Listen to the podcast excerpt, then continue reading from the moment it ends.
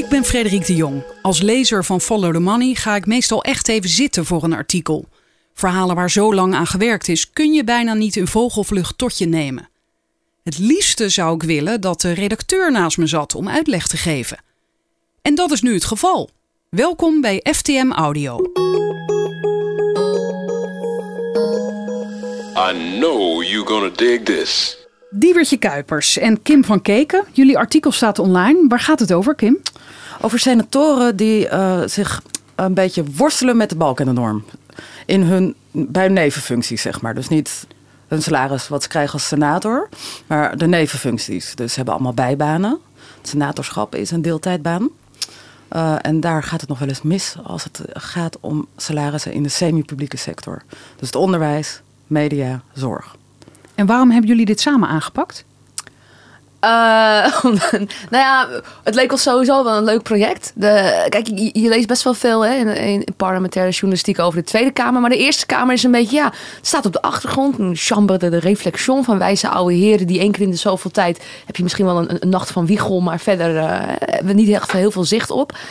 Um, en uh, ja, wij wisten ook al dat hè, heel af en toe komt er wel eens een senator uh, in het nieuws. Juist ook vanwege die stapeling van nevenfuncties, de bijbaantjes. Uh, en we dachten van, laten we eens gewoon systematisch erin gaan duiken.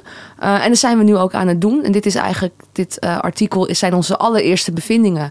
Op, eigenlijk op basis van een dataset of database die we aan het bouwen zijn. Waarin we alle senatoren hebben opgenomen al hun nevenfuncties, de bezoldiging uh, voor hoeveel uur. De sector waarin ze werken is de heel sector belangrijk. waarin ze werken, inderdaad. De, wat de sector belangrijk? waarin ze werken en uh, de woordvoederschappen die ze daarover voeren. Maar uh, voor, hoe, waarom is het belangrijk? Nou, omdat er heel veel wordt gezegd, het is heel goed dat het een deeltijdbaan is, want dan, uh, dan staan ze met een been in de samenleving. En dan vraag je af, is dat echt zo? Uh, nou ja, goed, goed, wij zijn het nu allemaal aan het invoeren, maar het lijkt er toch echt op dat, dat het dan vooral in de cultuur en de zorg zit. Um, dus dan kan je afvragen, is het echt zo, zitten ze echt zo in de samenleving dankzij uh, ja, die en daarnaast bestaat dus ook het risico. Kijk, op het moment dat jij als Eerste Kamer moet gaan stemmen over wetten uh, die uh, in een sector zitten waar jij niet alleen financieel van afhankelijk bent, omdat je nou ja, goed betaalde nevenfuncties in die sector hebt. Uh, maar ook nog eens namens je partij het woord gaat voeren over die sector. En dus mede het fractiestandpunt uh, bepaalt van de Eerste Kamer. En daar ook wel enige inspraak heb in wat de partij daarvan vindt. Ja, dan, dan, dan, dan heb je toch de schijn van belangenverstrengeling. Kan je daar niet helemaal uh, voorkomen. En, er is in het verleden zijn er wel eens incidenten van geweest. Maar wij vroegen ons nou af van... Hè, net zoals je ook heel af en toe een senator in het nieuws komt... omdat hij ineens heel veel bijbanen heeft... of, of zich inderdaad hè, niet aan de balken en de norm houdt. Wij vroegen ons af van... is dit iets wat gewoon ja, zeldzaam is, wat misschien één of twee keer voorkomt? Of is er echt iets uh, systematisch aan de hand met de manier waarop uh, senatoren hun, uh, ja, hun, de andere vier dagen in de week invullen? Er is, Ik ga er is een even... beroemd voorbeeld hè, van Hans Hille. Die uh, voor de tabakslobby aan het lobbyen was als senator. Later uh, werd hij minister. Um, dat, dat wordt altijd voorbeeld aangehaald. Maar ik kan me niet voorstellen dat hij de enige zou zijn. Dus dat, dat ja, is eigenlijk ook wel de bedoeling om dat beter te gaan onderzoeken. Hans Hille was van het CDA trouwens. Ja, nog steeds is hij misschien wel van het CDA. Ja, ja, ja lid. Ja. ja. Oké, okay, ik ga het lezen en dan kom ik zo bij jullie terug. Senatoren lappen balken en de norm aan hun laars. Dat is de titel. Een vijfde van de senatoren heeft moeite zich aan hun eigen regels te houden. Twee toucheren exact het toegestaande bedrag naast hun andere betaalde nevenfuncties. Nog eens elf senatoren staan als toezichthouder van een semi-publieke organisatie toe dat hun bestuurders ruim boven de norm verdienen. Dat blijkt uit onderzoek van Follow the Money. Een vijfde van de senatoren worstelt met de regels over de hoogte van bestuurssalarissen in de semi-publieke sector, zelfs als het over hun eigen bijbaan gaat. Zo toucheert Eerste Kamerlid Henk Pelman van D66 jaarlijks circa 10.000 euro te veel als voorzitter van de Hanse Hogeschool in Groningen. Senator Jopie Noren van de PvdA zit bijna 15.000 euro boven de wettelijk bepaalde norm. Zij is voorzitter van Bartimeus, een instelling voor blinden en slechtzienden.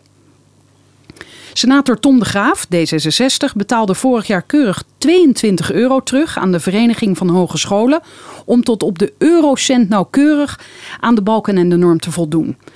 Als voorzitter verdient hij er 162.900 euro voor een 36-urige werkweek.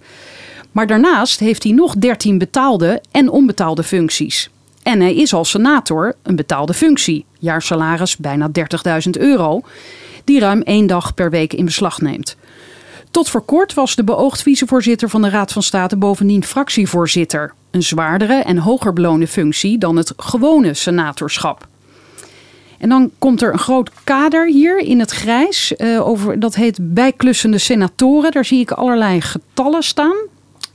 Ja, nou ja, wat hier met name eh, belangrijk is, is om ook even mee te geven dat de balken en de norm eh, geldt voor bestuursfuncties in de semi-publieke sector, maar eh, ook met name voor de som van alle functies die je vervult.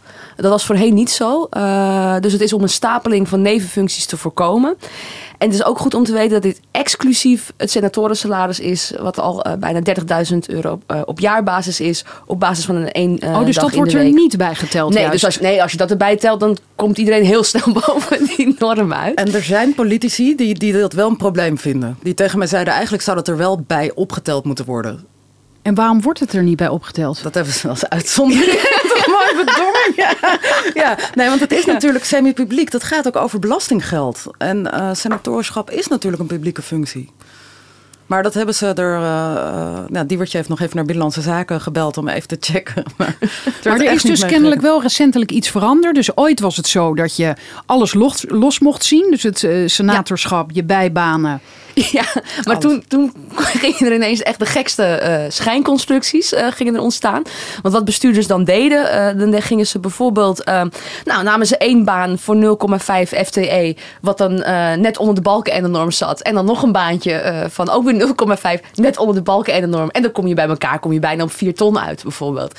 Maar wat ze ook deden, was bijvoorbeeld andere schijnconstructies. Dan gingen ze zichzelf laten inhuren voor 0,7 FTE als bestuurder. Want de balken en de norm geldt alleen voor bestuurders. En de overige 0,3 FTE werden ze dan ingehuurd door dezelfde organisatie als adviseur of wat dan ook. Dus op die manier werden er allemaal hele rare constructies bedacht eh, om die balken en norm maar eh, te omzeilen. Eh, ja, en daar heeft de Kamer toen in 2013 ook van gezegd van ja, jongens, dit kan echt niet meer. En uiteindelijk was het ook, stond ook in het regeerakkoord van VVD en P van de A dat inderdaad die wet normering topinkomens ook moest aangepakt worden. Met name ook om dit soort schijnconstructies eh, te voorkomen. En dat is uiteindelijk in 2016 is dat gebeurd. Eh, en dat is, nou ja, niet alleen om de schijnconstructies te voorkomen, maar om ook, wat ik eerder zei, het stapelen van functies te voorkomen. Dus het geldt inderdaad voor alle functies die je in de semi-publieke sector hebt. Uh, en daarom was inderdaad Tom de Graaf van D66 zo interessant. Want hij heeft 13 bijbanen, betaald en onbetaald. En omdat hij net die 22 euro heeft teruggestort voor de balken en de norm. Al zijn andere functies in de semi-publieke sector staan op nul. Dus dat heeft hij heel goed precies uitgedacht. Uh, ja, en die andere banen in de private sector, wat hij daarvoor vangt, dat weten we helaas uh, niet. Daar gaan jullie misschien nog achter komen. Dat hopen we. We doen ook echt een, uh, een beroep op onze leden en onze luisteraars om vooral uh, te tippen. Um, alles wat ze tegenkomen in de Senaat, maar vooral ook salarissen. Is die informatie niet openbaar dan? Nee, want als je bij gewoon bedrijf werkt, hoef je dat niet te geven. Maar er zit natuurlijk ook wel een probleem, want heel veel senatoren zijn ZZP'er. En die laten zich als adviseur betalen. En wij kunnen niet zien wie de opdrachtgevers zijn, maar dat kunnen wel eens ministeries zijn. Oké. En even kijken, in dit kader staat, leggen jullie ook uit uh, dat de leden van de Eerste Kamer in principe één dag per week op dinsdag bijeenkomen. En, want ik ga het overslaan, dit kader, maar we moeten natuurlijk geen informatie overslaan. En er wordt hier ook nog even Loek Hermans genoemd van de VVD.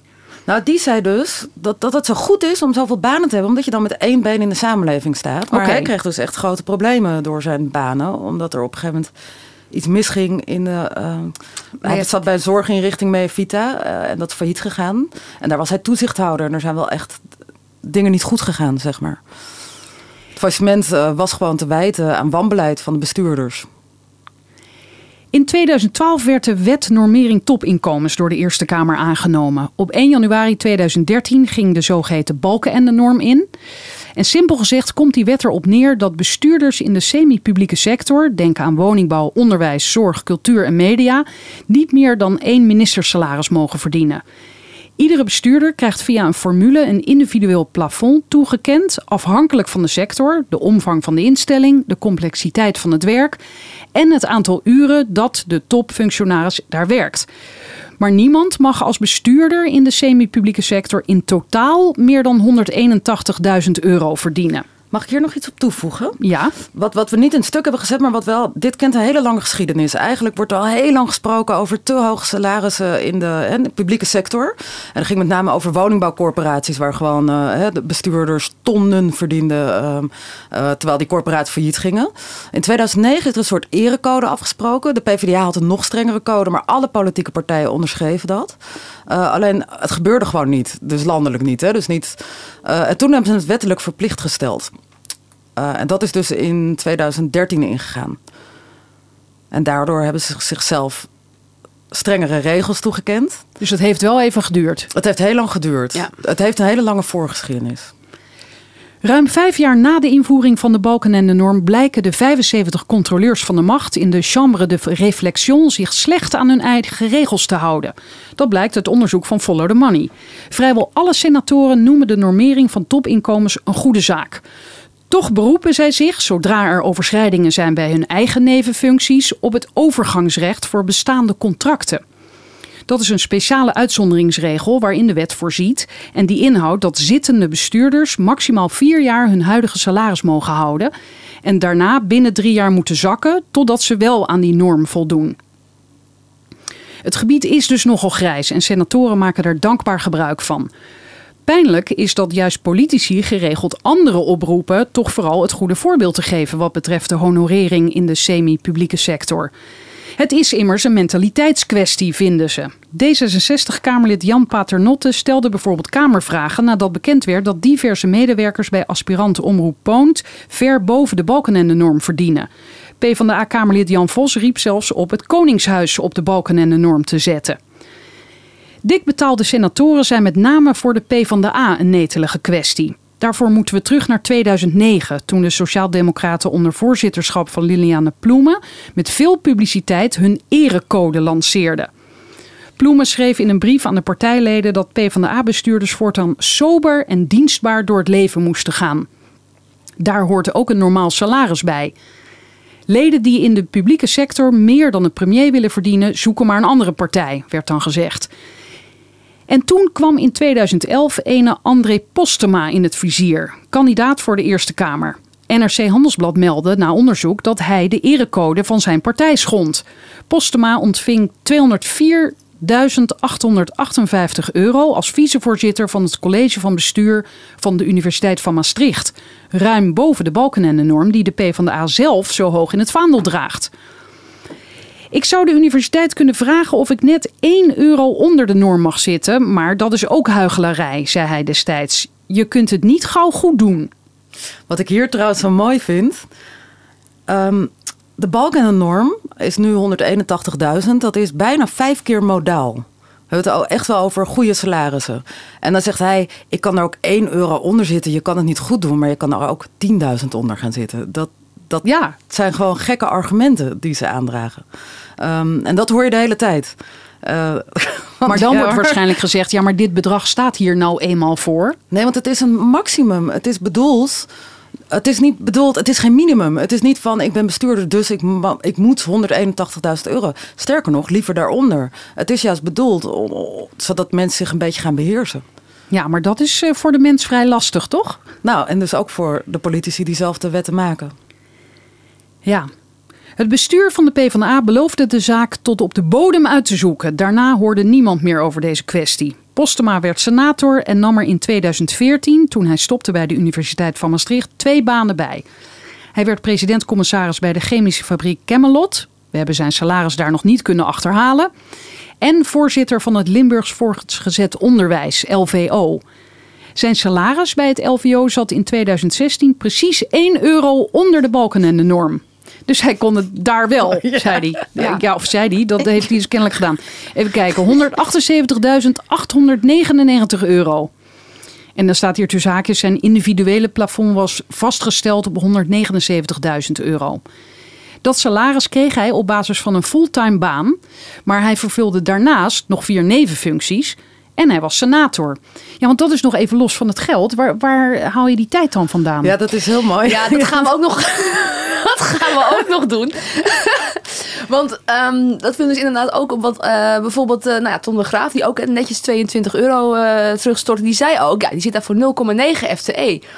Maar ik dacht, ja, maar wacht even, dat is dus eh, eh, één FTE is eh, op basis van vijf dagen in de week eh, 40 uur, als ik me niet vergis. Ja. Eh, als je dan al één dag in de week op het, eh, als senator bent en je hebt ook nog 0,9 FTE, dan moet je al in het weekend doorwerken. Maar hij heeft nog 13 andere banen.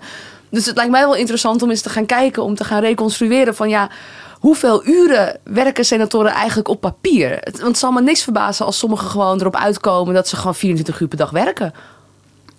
Ja, en wij sluiten niet uit dat dat kan. Of... Nee, ja, ik weet het niet. Nou, ik ben echt Ik heel weet, benieuwd. een vandaag heeft dit ooit bij het Nijpels gedaan. Ja, Jan jaren Born, geleden. ja. En eh, nou ja, die kwam geloof ik op een, op een werkdag van eh 46 uur per dag. Het valt me op dat jullie, ik, word, ik moet hier ook helemaal van lachen. Jullie liggen echt in een deuk, hè? Ja, maar het is tuurlijk. ook, de, de argumenten die gebruikt worden zijn zo flauw. En weet je, het is ook een beetje verdrietig als je ziet hoe hard bijstandsfraude wordt aangepakt. En hoe, weet je wel. En dit zijn gewoon mensen die toch, ik vind, iets meer voorbeeldfuncties zouden moeten hebben. En die doen alles om te verantwoorden waarom ze precies op die 181.000 euro zouden moeten zitten. En het is ook de gretigheid om eh, gebruik te maken van uitzonderingsregels eh, en je die ook toedichten. Hè, van, van je hebt er recht op en eh, eh, ik hou me aan de regels. Ja, precies. Dus, ik doe niks fout. Ik doe Wat op niks zich fout. waar is, maar Ja. daar ja, is maar niet dat is alles dus mee gezegd. eh, bijvoorbeeld als wij als, eh, als, als samenleving afspreken dat de norm niet rijden door rood is. eh, maar dat we wel gaan zeggen, ja, maar ja, ja, twee jaar geleden mocht het nog wel. En jij hebt je fiets twee jaar geleden gekocht. Dus nou, voor degene die twee jaar geleden een fiets hebben gekocht, mag het nog even voor een maand. Zodat je eraan kan wennen. Maar als je het op een gegeven moment maar gaat opstapelen en opstapelen, ja, dan, dan wordt eh, een, een, een- norm, omdat er zoveel versies van bestaan, de facto normeloos. En dat is denk ik ook gewoon eh, wat hier wringt. eh, is namelijk van waarom heb je een norm als die A zo ingewikkeld is dat hij lastig is te handhaven. Wat je nog kan afvragen omdat sommigen echt zo precies het randje weten te vinden. Eh, en en eh, weet je wel, waar je ook niet bereid bent eh, om je daar zelf echt aan te houden. Want hè, zoals gezegd, je hoeft niet echt een euro eronder te zitten. Als jouw individuele norm op een x bedrag wordt gesteld, denk ik dat het eh, heel mooi zou zijn als jij een voorbeeldfunctie als, eh, als volksvertegenwoordiger dan ook zegt van, nou ja, ik ga daar gewoon ruim onder zitten. En ik ga niet me beroepen op nog rechten van twee jaar geleden en dit en dat. Eh, Do- Doen, ik vraag me opeens af, doen SP-senatoren dit eigenlijk ook? Want zij hebben Nee. natuurlijk in de Tweede Nee. Kamer ook een andere norm. Nee. Nee, SP hebben we niet gevonden. We hebben één GroenLinks gevonden. Die, die heeft ons ook keurig te woord gestaan. Eh, nou, die komt later nog in het verhaal terug. Ehm, en de PVV ook niet, maar die zitten vooral, die zitten vooral bij de provincie. Die, die hebben weer een ander, andere dingen. Eh, dus dit is wel echt bij deze vier partijen die eruit zijn gekomen wel echt eh, een ding. Even kijken, we waren gebleven bij eh, Postema, André Postema, kandidaat voor de Eerste Kamer. En jullie schrijven dan eigenlijk viel het niemand op. Postema werd zelfs fractievoorzitter. Totdat afgelopen juni de diploma's van 354 leerlingen van zijn scholengemeenschap ongeldig werden verklaard. Omdat ze een aantal verplichte vakken niet hadden afgerond. Er bleek sprake te zijn van wanbeleid. Postema zag zich door het examen-echec van vorige maand gedwongen op te stappen als fractievoorzitter. Hij bleef wel aan als senator. Ondertussen zit de PvdA flink met de kwestie in de maag. Ineens werd precies 1 euro onder de balkenende-norm zitten een issue. Hoewel Postma benadrukte dat hij volgens zichzelf de erecode niet had geschonden, wilde een woordvoerder daar begin deze maand geen uitspraken over doen. En dan gaat het hier nog om een senator die onder de balken en de norm zit. Zijn PvdA-collega Jopie Noren gaat er zwaar overheen. Zij werd op 1 januari 2013, notabene de dag waarop de wet normering topinkomens inging, bestuursvoorzitter bij zorginstelling Bartimeus en ontving dat jaar 209.697 euro salaris. In vijf jaar tijd zakte ze weliswaar naar 180.903 euro.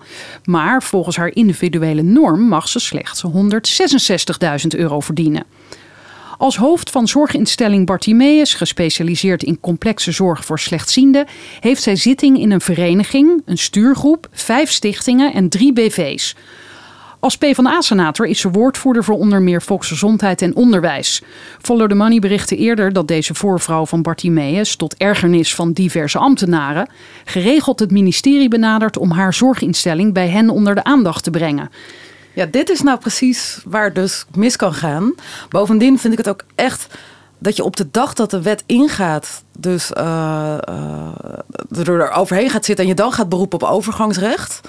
Eh, en dan ook nog van de PvdA, die toch echt het erecode hoog in het vaandel heeft staan. Lilian Ploemen was er heel fel op. Wouter Bos trouwens ook. Die verdient nu ook boven de balk en de norm. maar dat is een klein tussen. Dat geheel terzijde, ja. Dat geheel terzijde. Nee, maar het is gewoon opvallend dat mensen maken een groot issue van. Het wordt in de pers geroepen, het wordt op congressen geroepen. We moeten, hè, wat, wat Ploemen spreekt, geen Spaans. Ze zegt gewoon, uh, anders ga je maar ergens anders zitten. Nou, en deze mevrouw is gewoon senator. Hebben jullie haar gesproken? Nee, we hebben er ge, geappt uh, en op een gegeven moment ge Maar we hebben wel, nou, ze reageert nergens op. Uh, we hebben wel uitgebreid met de voorlichters gesproken. Ook D66-senatoren weten hun weg naar lucratieve bijbanen in de publieke sector goed te vinden. Neem Henk Pelman, 63 jaar. Hij studeerde geschiedenis, werd leraar en wethouder in Groningen. Sinds 2000 zit hij in het bestuur van de Hanse Hogeschool in Groningen. In 2004 werd hij daar voorzitter. Vorig jaar verdiende hij daar 190.425 euro, terwijl zijn individuele norm op 181.000 euro is vastgesteld. En het voltallige college van bestuur zich in 2013 aan de WNT-norm committeerde. Pelman beroept zich op zijn overgangsrecht, meldt de jaarrekening van 2017. Maar in 2016 verdiende hij minder, 188.045 euro. Hoewel de overgangsperiode bedoeld is om bestuurders de tijd te geven geleidelijk te dalen, bestaat Pijlmans overgangsperiode uit loonsverhogingen en behelst die dus juist een verdere verwijdering van de norm. Wanneer Follow the Money hem hiermee confronteert, laat hij weten: na vier jaar moet het salaris in drie stappen worden verlaagd. Dat is bij mij niet nodig. Wacht even, die begrijp ik niet. Wat hij probeert te zeggen is hier: dit is dus het ge nou, geklooien wil ik zeggen. nee, maar dit is dus gewoon het gerommel met normen en zo. Kijk, hij zegt, uh, je mag het eerst vier jaar houden en dan moet je na drie jaar, uh, na vier jaar ga je drie jaar in drie jaar afbouwen. Er zijn, maar je kan ook zeggen, goh, je wist al dat dit eraan zat te komen, hè, 2013. Die vier jaar zijn al voorbij, je kan nu al afbouwen. Uh, en hij zegt eigenlijk van, ik doe het heel goed, want ik ben al aan het afbouwen. Hmm. Oké, okay. hoewel de balkenende-norm inclusief pensioen is, beroept Pelman zich op de oude regels en wijt hij de loonstijging aan een gestegen pensioenpremie. Hij laat voorts weten dat zijn salariering volgens de externe accountant van de Hans Hogeschool een correcte toepassing van de wet is. Ja, dat zal best. Ja, zeggen al die accountants. Ja, zeggen al die accountants. En dat wil ik ook echt wel geloven hoor, dat de wet hier correct wordt toegepast. Maar het gaat er dus om, kijk, uh, eerst was de balken en de norm exclusief je pensioen. Nu is het inclusief je pensioen. Um, en staat ook in de wet expliciet vermeld. En het, uh, dat staat ook op, op informatiefora van Binnenlandse Zaken. Dat als jouw pensioenpremie stijgt, dan moet je dus maar gaan inbinden op je loon. En dan verdien je gewoon maar wat minder. Um, maar deze wet is natuurlijk actief geworden begin dit jaar. Pijlman beroept zich nog op een vorige versie van de wet normering topinkomens. Uh, omdat hij toen al uh, bestuurder was. En daar zie je dat dus ze niet echt zin hebben om een voorbeeldfunctie te geven. Want lijkt mij, als jij als senator instemt met een wet die begin dit jaar ingaat, dat het misschien ook wel netjes is als jij vanaf dat begin dat ja, jezelf ook committeert aan een wet door hem ook gewoon uit te voeren. Want anders zeg je eigenlijk, ja, we nemen de wet aan en die gaat alleen voor anderen ja, gelden. die geldt voor anderen. Die moeten zich vooral eraan houden. En ik kan mij nog beroepen op een uitzondering. Uh, dus dat doe ik dan ook heel graag. En dat is feitelijk wat, wat hier gewoon uh, wordt gezegd. En ja, je voldoet aan de letter van de wet. Maar ja, op het moment dat jij echt in zoveel konkeltjes en dingetjes en subclausules moet gaan zoeken om aan de letter van de wet te doen, dan voel je al aan je theewater dat, dat het misgaat in het uitvoeren van de geest van de wet en handelen naar de geest van de wet. Ja, Kim, ik zie hier een uh, soort mooie graphic, nee, een dia-serie eigenlijk, hè, waar, waar jullie de senatoren presenteren, inclusief alle cijfers. Ja. In zwarte en rode ja. getallen. Ja.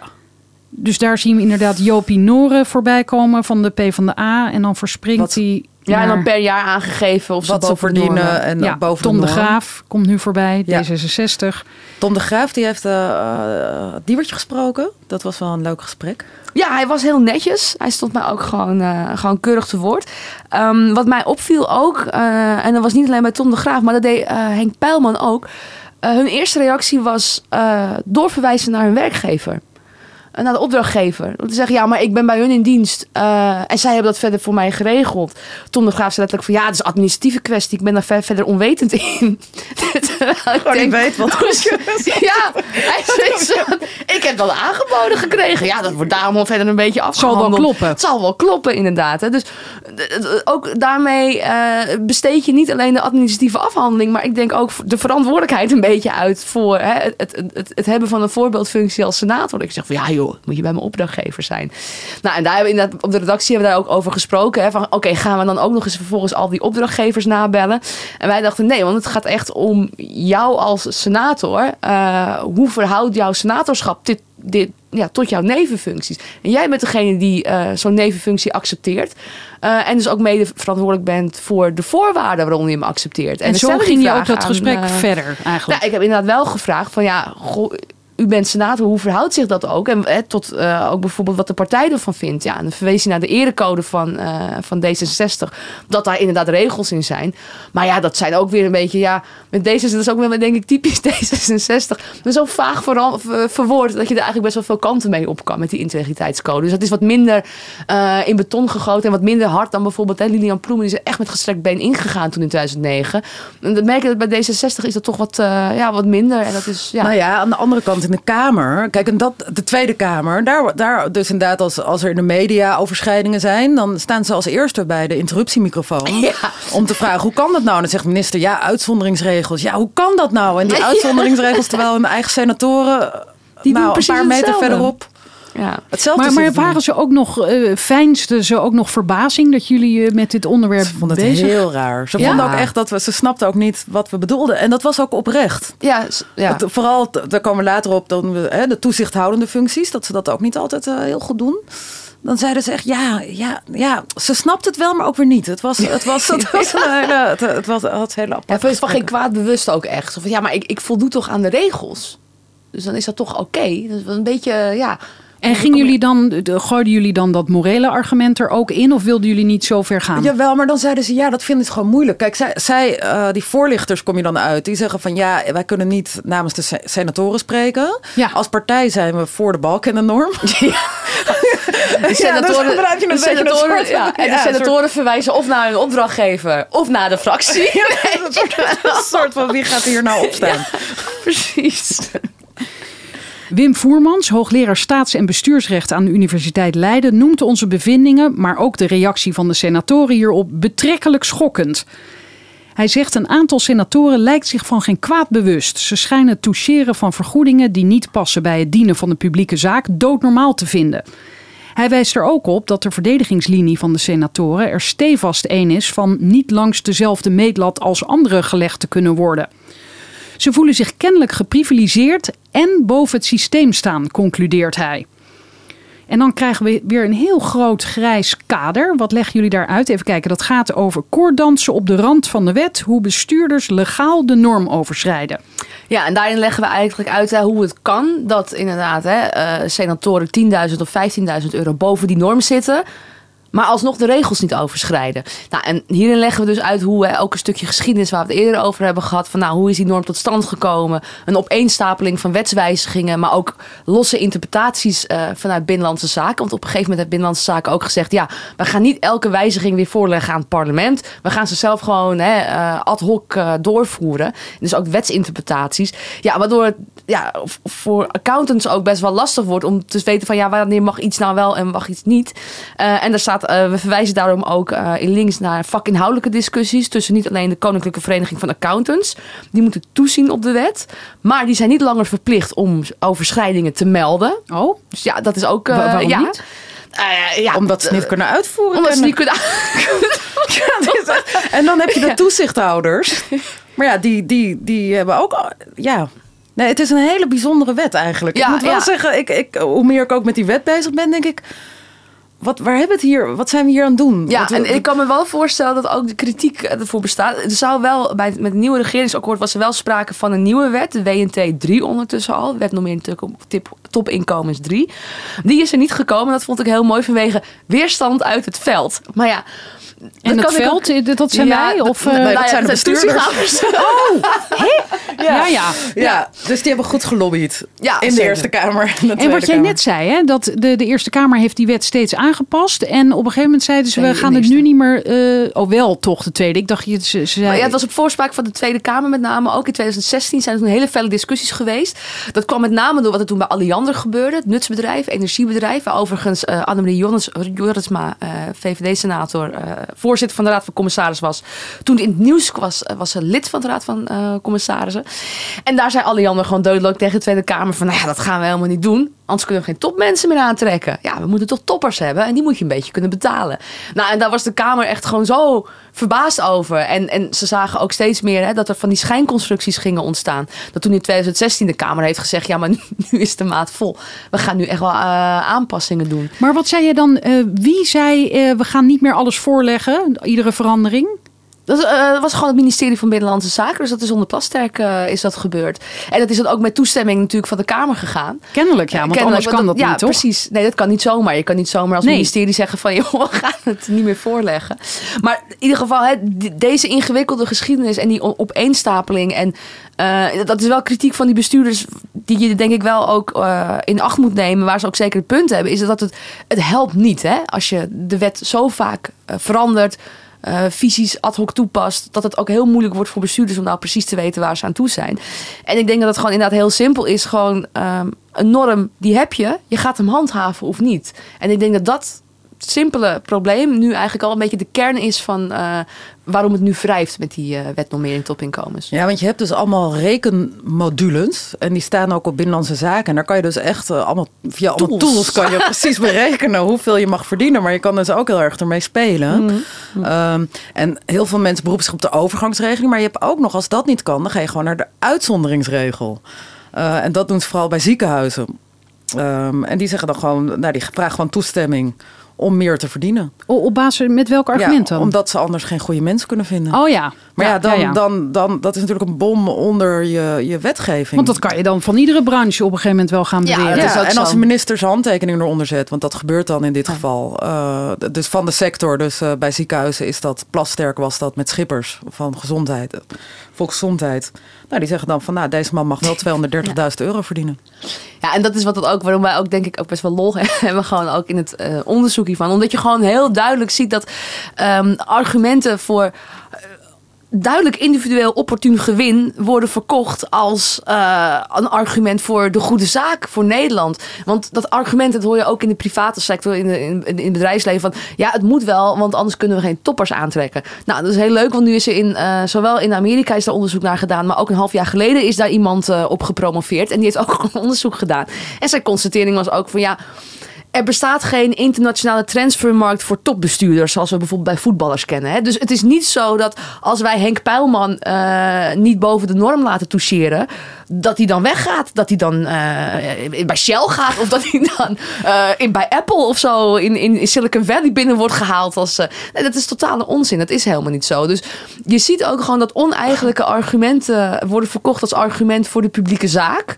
Om het persoonlijk gewin bij het toucheren van veel publiek geld goed te praten. Ja, en dat, dat is zo ridicuul is dat. Dat je er gewoon wel een beetje om moet lachen. Ja, nou, jullie moeten er heel erg om lachen. Maar hadden jullie, wat verwachten jullie toen jullie eraan begonnen? Nou, we waren met iets heel anders. We, waren, we verwachten niet zoveel. We waren vooral bezig om te kijken, waar werken ze nou? In welke Ja. sectoren? Ehm, en toen viel me in één keer, volgens mij Henk Pijlman, die viel me op. En toen kwam er Jopie daarboven. En toen dacht ik, nee, goh, moeten we niet even snel even van gedachten veranderen en even die balk in de norm gaan kijken hoe dat zit. En toen, Aha. toen zijn we dus twee weken, drie, tweeënhalve weken geleden, drie weken geleden hebben we ons onderzoek. Nou ja, we gaan nog verder met het andere onderzoek, dat, dat, maar, maar dit hebben we er tussendoor gedaan. Ja, dit was eigenlijk al gewoon een eerste bevinding die gewoon zo saillant was. Dat we denken, ja, hier kunnen we al meteen een artikel van maken. Want het is wel een bevinding wat de delen waard is. Ja, en zeker ook omdat ehm, André Postema veel nieuws was. En dat ging over die 1 euro onder de Eronder, balken. ja. Toezichthouders van semi-publieke instellingen moeten onder meer toezien op het naleven van de Balkenende-norm. Hoe gaan de raden van toezicht daar eigenlijk mee om? vroeg Tweede Kamerlid Harry van der Molen van het CDA afgelopen april in een debat over die WNT. Komt het niet alleen van papier of zit het ook tussen de oren van de mensen? Het is opmerkelijk dat uit onze inventarisatie blijkt dat elf senatoren als toezichthouder bij een semi-publieke instelling tolereren dat hun bestuurders ver boven de norm verdienen. Tot CDA-senator Ben Knapen is het belang van de WNT-norm kennelijk nog niet doorgedrongen. De oud-staatssecretaris van Europese Zaken en Ontwikkelingssamenwerking is toezichthouder bij het Energieonderzoekscentrum Nederland, ECN. Topman Paul Korting verdiende daar 302.705 euro in 2016. Knapen staat dus toe dat zijn eigen bestuurder een veel te hoog salaris ontvangt. Vergelijk het eens met eerst een wet aannemen die het mensen verbiedt onder invloed te rijden, om vervolgens goedkeurend toe te kijken hoe een kennis dronken in jouw auto wegrijdt. Ja, mooi beeld.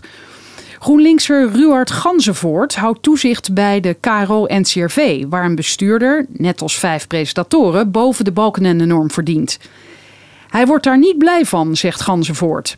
En zegt daarover: Je bent echter als werkgever wel gebonden aan de gemaakte afspraken, de contracten waarin een salaris is afgesproken. Ook erkent hij dat de overgangsregeling lang duurt. Of de senator, die de WNT een zeer goede zaak noemt, bij zo'n bedrijf wel toezicht wil houden, moet hij niet juist een daad stellen? En dan zegt hij: Er zijn andere belangrijke zaken waar ik als toezichthouder wel iets mee kan doen. Bovendien vertrekt die ene bestuurder die boven de norm verdient volgend jaar. Nou, ik moet wel zeggen, hij, had wel, hij legt het uit. Hij was een van de weinige mensen die gewoon ehm, er wel iets dieper op inging. En ook wel de pijn voelde, maar ook wel zei van ja, goed, ik, ik kan ook nog andere dingen als toezichthouder doen.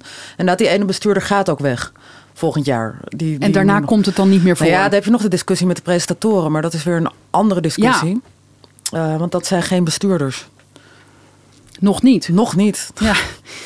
D66-collega Alexander Rinnoy-Kan, senator met liefst 32 nevenfuncties, was tot begin dit jaar toezichthouder bij het Academisch Medisch Centrum in Amsterdam, dat recent is gefuseerd met het VU Medisch Centrum. Renoy Kan voldeed als voorzitter van de Raad van Toezicht met 22.500 euro aan de norm. De bestuurders die hij controleerde echter niet. Voorzitter Hans Romein ving vorig jaar 230.000 euro. De jaarrekening 2017 vermeldt dat oud-minister Edith Schippers van Volksgezondheid en Ronald Plasterk van Binnenlandse Zaken daarvoor toestemming gaven. Een uitzonderingspositie dus. Dat geldt ook voor de andere bestuurders van het AMC. Maas-Jan Heineman kreeg bijna een ton meer dan de norm, te weten 280.466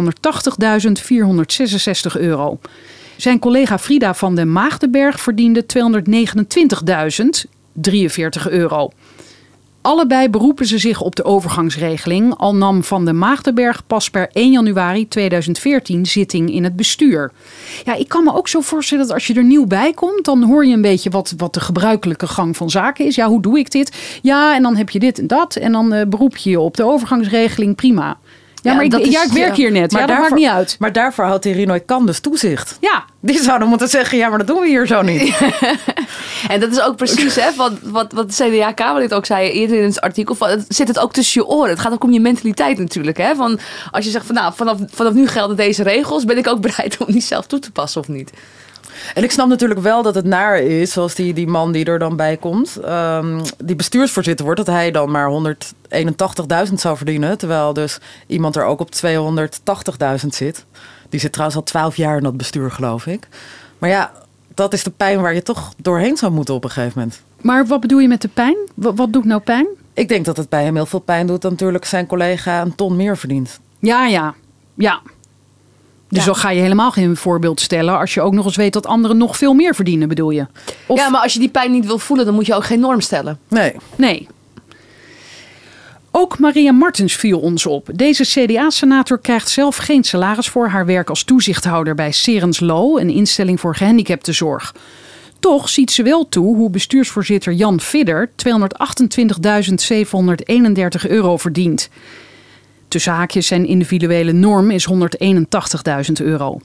Hoogleraar staats- en bestuursrecht Wim Voermans noemt dit uiterst pijnlijk. Dit kan echt niet. Er lijkt geen spoor van schuldbewustzijn. De balkenende norm was bedoeld als maximering en moest de mentaliteitsverandering bij topbestuurders in de semi-publieke sector forceren. Ons onderzoek toont aan dat die mentaliteit, zelfs voor onze eigen wetgevers, een groot probleem is. Ondanks bijbanen en een jaarlijkse vergoeding van 30.000 euro voor één dag kamerwerk per week, maken senatoren volop gebruik van zogeheten rekentools om te kijken hoe ze net binnen de wettelijke norm kunnen blijven. Het fenomeen van senatoren met lucratieve bijbanen is hoogleraar Wim Voermans dan ook al jarenlang een doorn in het oog. Hij zegt het gehinkel tussen hoofdfunctie en nevenfunctie, waar de senatoren steeds mee komen, is verwarrend. Een pijnlijk rookgordijn. Uitspraken waaruit blijkt dat het Eerste Kamerlidmaatschap zo'n beetje een interessante bijbaan voor ze is, zijn tenenkrommend. Weliswaar is het senatorschap in omvang misschien niet de hoofdtaak. Het is wel de belangrijkste taak tussen al die andere taken. Als je dat niet meer zuiver hebt, mankeert er echt iets aan je politiek-morele kompas. Het gaat ook niet om jou als senator, maar om wat je vertegenwoordigt en vooral wie. Zo te horen vertegenwoordigen veel van de aan het woord zijnde senatoren vooral zichzelf, zegt hij. Ai. Nou ja, als je wel ziet, het is een beetje pijnlijk als die Harry van der Molen van het CDA, die dus echt zegt, wat doen toezicht nou? Die zit, die zit in de Tweede Kamer te vertellen van, want de partij is ook voor die, voor die uh, balk en de norm. En die zegt, toezichthouders letten nou op. En, en in zijn eigen partij zijn er, ik geloof, vijf toezichthouders die er dus niet zo goed op letten. En daar allemaal een reden voor hebben. Dat zal me wel, maar als je kijkt naar de stapeling, dan denk je, hoe kan dat? Maar dit staat kennelijk ook onderling nooit op de agenda. Van jongens, zullen we daar eens even over hebben met elkaar? Nee, want ze waren heel verbaasd dat we toen wij gingen Oh ja. bellen hierover. En eh, waren ze daarna nog steeds verbaasd? Ik bedoel, is er iets gebeurd? Nou, het CDA, de, de- die waren wel, die voorlichter zei wel dat de som der dingen best wel dan, maar ja, hij zei wel, ja, iedereen heeft wel zo zijn reden. Terwijl ik denk, ja, en hij ging ook naar werkgevers doorverwijzen en zo. Maar bijvoorbeeld Maria Martens, die, hè, die CDA-mevrouw, die Jan Vidder, die is pas begonnen eh, in 2016. Dat, die, hoe kan hij zich beroepen op overgangsrecht? Hoe kan zij dat als toezichthouder goedkeuren? Hebben jullie haar dat kunnen vragen? Nee, want we hadden haar nummer dus niet. Dus we hebben die voorlichter, die heeft haar eh, gesproken. En die zei van, ja, zij zegt dat het gewoon goed is. Dus ja, Ja, ja dan blijf je je En dan, en dan naar die werkgever. En ja. Ja. Een mentaliteitsverandering voorstaan betekent bepaald niet dat je met kunst en vliegwerk exact 181.000 euro verdient in de publieke sector. De Senaat, die als chambre de réflexion niet alleen let op de letter van de wet, maar veel eer op de geest ervan, lijkt, zodra het haar eigen nevenfuncties betreft, de door hen zelf geaccordeerde gedragsregels vooral als last te ervaren. Voermans ziet onze bevindingen dan ook als symptoom van een dieperliggend probleem. Hij zegt er is iets aan de hand met de representatie en het morele besef van onze eh, senatoren. Ze zijn kennelijk niet tot zelfhygiëne in staat. Dit soort beloningen kunnen niet. Het heeft trekken van de discussie over de topsalarissen en beloningen in de bankaire sector en de top van het bedrijfsleven. Ook daar hapert de morele antenne en lijkt door de groepsdynamiek het gevoel voor context en de maatschappelijke aanvaardbaarheid van beloningen af en toe weggevallen te zijn. De groep is zelf niet in staat hier iets aan te doen. Dit gaat niet over kleinigheden, maar over de kern. Over de voorbeeldfunctie van onze senior politici in de Eerste Kamer. De voorgangers in politiek bestuurlijk Nederland. Als zij zelf niet meer voelen dat zij boven iedere twijfel en verdenking verheven moeten zijn, zit er iets goed mis. En daar eindigt jullie artikel, maar niet voordat jullie eh, hier een kader hebben gemaakt met wederhoor. Even kijken, wat staat er? Jullie hebben zoveel mogelijk alle betrokken senatoren persoonlijk benaderd. Nou, daar hebben jullie al een beetje over verteld. Lees ik hier, eh Jopie Noren nam haar telefoon niet op. De man van Annemarie Jorritsma meldde dat ze op vakantie was. Alexander Rinoy-Kan verwees naar de voorlichter. En zo gaat het nog wel eventjes door. Dus even kijken. Ehm, en volgens D66 is er niets aan de hand. Staat hier. Dus die wilde wel reageren, namelijk met de tekst: er is niks aan de hand. ja. Oké, en daaronder staat ook een oproep. Want eh, dat vertelden jullie ook in het begin van Ja. het artikel, van het gesprek bedoel ik. Ja, dat is eigenlijk wel heel belangrijk. Want kijk, dit is informatie wat we konden vinden in jaarverslagen. Omdat het semi-publieke functies zijn, zijn het openbare eh, verslagen. Maar wij willen gewoon veel meer weten. Vooral ook over die adviseurschappen, Ja. de BV'tjes, de ZZP-dingen. Eh, dat zijn dingen die we niet, dat is niet openbaar. Dus daar hebben we echt tips voor nodig. En wie, wie, eh, welke mensen hebben dit soort informatie, denken jullie? Ja, mensen in Den Haag zelf. Ex-senatoren natuurlijk. ex-senatoren, oud-opdrachtgevers. eh, ook wel mensen van instellingen waar deze werken. Kijk, we weten nu ook van Bartimeus. ehm daar krijgen we ook wel dat iemand zei van ja, er werken gewoon 850 vrijwilligers. Hoe pijnlijk is dat? Ja. Dat er gewoon, weet je wel, Die dus krijgen helemaal dingen- niks, bedoel je? Nee. Die krijgen helemaal niks. En, en terwijl dus de, de bestuursvoorzitter eh, vet boven de balk en de norm verdient. Ehm, dus ik wij- vind het altijd fascinerend dat kennelijk mensen daar gewoon mee kunnen leven. En dan gewoon denken, ik ga nu naar mijn werk en niemand krijgt daar betaald. En maar ik denk dat ze er veel. echt van overtuigd zijn dat het echt toppertjes zijn. Ik denk dat ze van zichzelf vinden van ja, maar hallo, ik, ik ben een bestuurder. Ik doe belangrijke dingen en eh, ik kan wel wat. Wat ook Nou, waar is, maar ja, welk prijskaartje hangt daaraan? Nou, maar dat Nou is de grote vraag. Hè. Er Nou wordt ja, altijd- wat, eh, er je wordt- hoopt dat het waar is, Maar er wordt van de zeggen. Senaat altijd gezegd, en dat eh, gisteren werd het ook weer ergens geroepen, van ja, dat zijn allemaal oude, wijze mannen. Die echt, En eh, vrouwen. En vrouwen. Nou, ze zeggen nog altijd wijze mannen hoor. Dat is het idee van pijprokende wijze mannen. Die dan eh, allemaal heel erg eh, alles weten van wetten. Zijn of juristen. Of ze hebben heel veel in het bedrijfsleven gedaan. En dat gaan wij nu proberen te onderzoeken. Van klopt die aanname, Aanname wel? wel, ja. Eh, of is het niet andersom? Hebben ze die banen niet gekregen omdat ze senator zijn? En ehm, bepaalde bedrijven dat wel interessant vinden. Ja, precies. Want het, ze, ze geven vaak toch ook wel een klap op, eh, op belangrijke wetgeving. En ze kunnen toch ook wel dingen terugdraaien, wat heel interessant kan zijn. Ehm, dus dat, daarom maakt het ook met name interessant om naar die woordvoerderschappen te kijken. Hè? Want als je bijvoorbeeld, eh, je kan wel kijken naar stemgedrag, maar de fractiediscipline is zo eh, rigide. Dat merkte je ook bijvoorbeeld hè, met, het was volgens mij over de donorwet. Toen was één senator van de SP was acuut ziek, maar dat was omdat ze van plan was tegen de fractielijn in te stemmen. Dus die variatie is dan veel te klein. Eh, maar bijvoorbeeld, hè, wat net ook over Jopie Noren bijvoorbeeld al naar voren kwam. En waar collega Jeffrey Stevens ook een eh, goed verhaal over heeft geschreven. Hè, dat, dat zij feitelijk ook als voorzitter van, van Bartimeus gewoon een beetje zat lobbyen bij ambtenaren voor haar eigen stichting. Als senator. Waar ze vervolgens ook wel weer over wetgeving moest gaan stemmen. Ja, dat zijn toch dingen die, dat, dat, dat is niet, eh, ja, dat is, dat is niet helemaal zuivere koffie. En wij vragen ons af met al die bijbanen van, ja, waar komt ook die stapeling van bijbanen vandaan? Komt dat? Wie heeft er belang bij? Hè? Is dat gewoon, gaat het om dat, gewoon, omdat er lekker geld mee te verdienen is? Of is het ook die versnippering ook een manier voor instellingen en bedrijven om gewoon een vinger in de pap te hebben bij eh, de, een deel van de wetgevende macht? En je zit natuurlijk op het Binnenhof. Hè? Dus het hoeft, het hoeft niet alleen maar te zijn dat ze in de Eerste Kamer iets doen. Uh, maar hun, je connecties worden veel kleiner. Het is heel, het is een heel interessant gebied voor een bedrijf om te zitten. En als je dan een senator aan je kan binden. Uh, dat En, waar zitten we nu op de schaal van schandaligheid, wat jullie betreft? Oh, weet ik niet. Geen ik denk idee. gewoon, ik, ik vind het heel interessant om gewoon eens te kijken in welke sectoren zijn ze actief. Uh, want dat weten we gewoon helemaal niet. Jullie gaan het eerst gewoon helemaal in kaart brengen. Ja. Ja, ja, we zijn nu inderdaad die database. Is nu, we hebben best wel veel informatie al verzameld. Het is nu een kwestie van coderen. Ja, dan ga je gewoon wat analyses draaien om te kijken van welke dingen komen er omhoog. Uh, welke percentages uh, worden bepaalde, uh, zijn er bepaalde partijen oververtegenwoordigd in bepaalde sectoren? Of is het merendeel, hè? is het, het feit dat je senator bent, is dat bijvoorbeeld een voorspellende factor voor de hoeveelheid banen die je hebt, zal ik maar zeggen. Dus dat zijn allemaal een beetje analyses die je kan draaien om een beetje het speelveld gewoon in kaart te brengen en een goed beeld ervan te krijgen. Sowieso is het goed dat dit gewoon informatie wordt die openbaar wordt. Ik zie, ik zie nu het beeld, mooie beeld vormen van die senatoren liggen nu allemaal rustig op het strand. Nou, een boek te lezen. Jullie werken vrolijk, lachend verder. En als ze terugkomen van vakantie, dan moeten ze heel even naar Follow the Money toe gaan. Dan komt er in ieder geval de eerste grote analyse. Ja, Ja. Ik, we hopen natuurlijk, kijk, wat jij zegt, wat voor een tip geeft. We hopen ook ambtenaren natuurlijk. Ja, Die ja, denken en van, uiteindelijk- nou, daar kwam eh, Pietje Puk weer. eh. Dat echt Dus ja, we moeten het wel hebben van tips. Omdat Ja. we anders alleen een hele droge analyse hebben. Eh, En dus ja, dan zijn we toch afhankelijk van. Kijk, natuurlijk, je kan denk ik al heel veel doen met open source informatie, zoals jaarverslagen en dat soort dingen. Maar het, het, het, het mooie is, is dat je dan maar een deel, dus alleen dat semi-publieke deel van die bijbanen en nevenfuncties in kaart te brengen. Terwijl ik denk, bedrijfsleven dat het net zo interessant. Dus we zullen ook inderdaad, na de eerste eh, artikelen, zullen we ook zeker die database gewoon online gooien. En gewoon zeggen van, nou, dit is wat we tot nu toe hebben.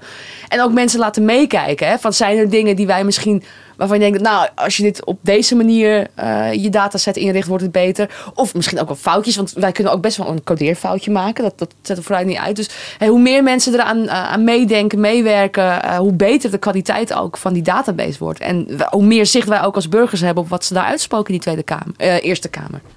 Ik zeg al automatisch Tweede Kamer. eerste- Nee, het gaat over de Eerste Ja, Kamer. precies. Kan je Nou, de Eerste. Kamer. hoe, eh, bij deze is de oproep gedaan.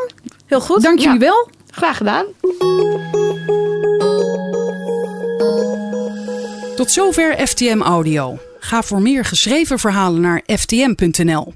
Ik meld me snel weer met een audioartikel. Dag!